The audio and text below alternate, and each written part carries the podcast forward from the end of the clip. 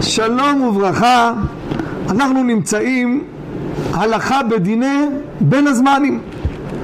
אנשים נמצאים בבריכה או בשפת הים, וכשאדם נכנס למים, דרך כלל הוא נהיה רעב, אז הוא רוצה לנשנש איזה חטיף או איזה עוגיה, או לאכול סנדוויץ'.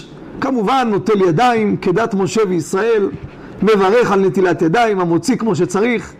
והשאלה היא, האם מותר לברך ברכות כשפלג הגוף העליון ללא גופייה?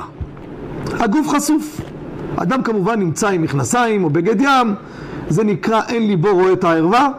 מה קורה אבל שפלג גופו העליון, הוא נמצא עכשיו בשמש.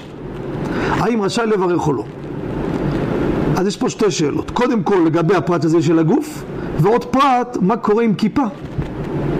אז כך, לגבי הגוף העליון, הלכה למעשה, ראוי לכסות את הגוף העליון, אבל אם קשה הדבר, או יותר נוח כך, אפשר לברך כל הברכות כשפלג הגוף העליון הוא מגולה, חוץ מברכת המזון וברכת מעין שלוש, על המחיה, על הגפן, על העץ ועל פרי העץ, אבל ברכת בורא נפשות, בורא פרי העץ, בורא פרי האדמה, בורא מיני מזונות, המוציא, כל אלו אפשר לברך. כמובן שאדם יש לו על ראשו כיפה, או אפילו נייר, אין לו כיפה, שם מגבת, כרגע הוא בלי מגבת, הוא לא יכול לקחת את זרוע ידו ולשים על הראש.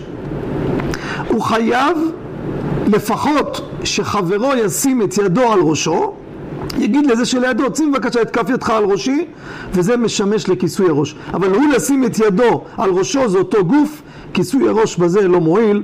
תודה רבה, ובין הזמנים פורה.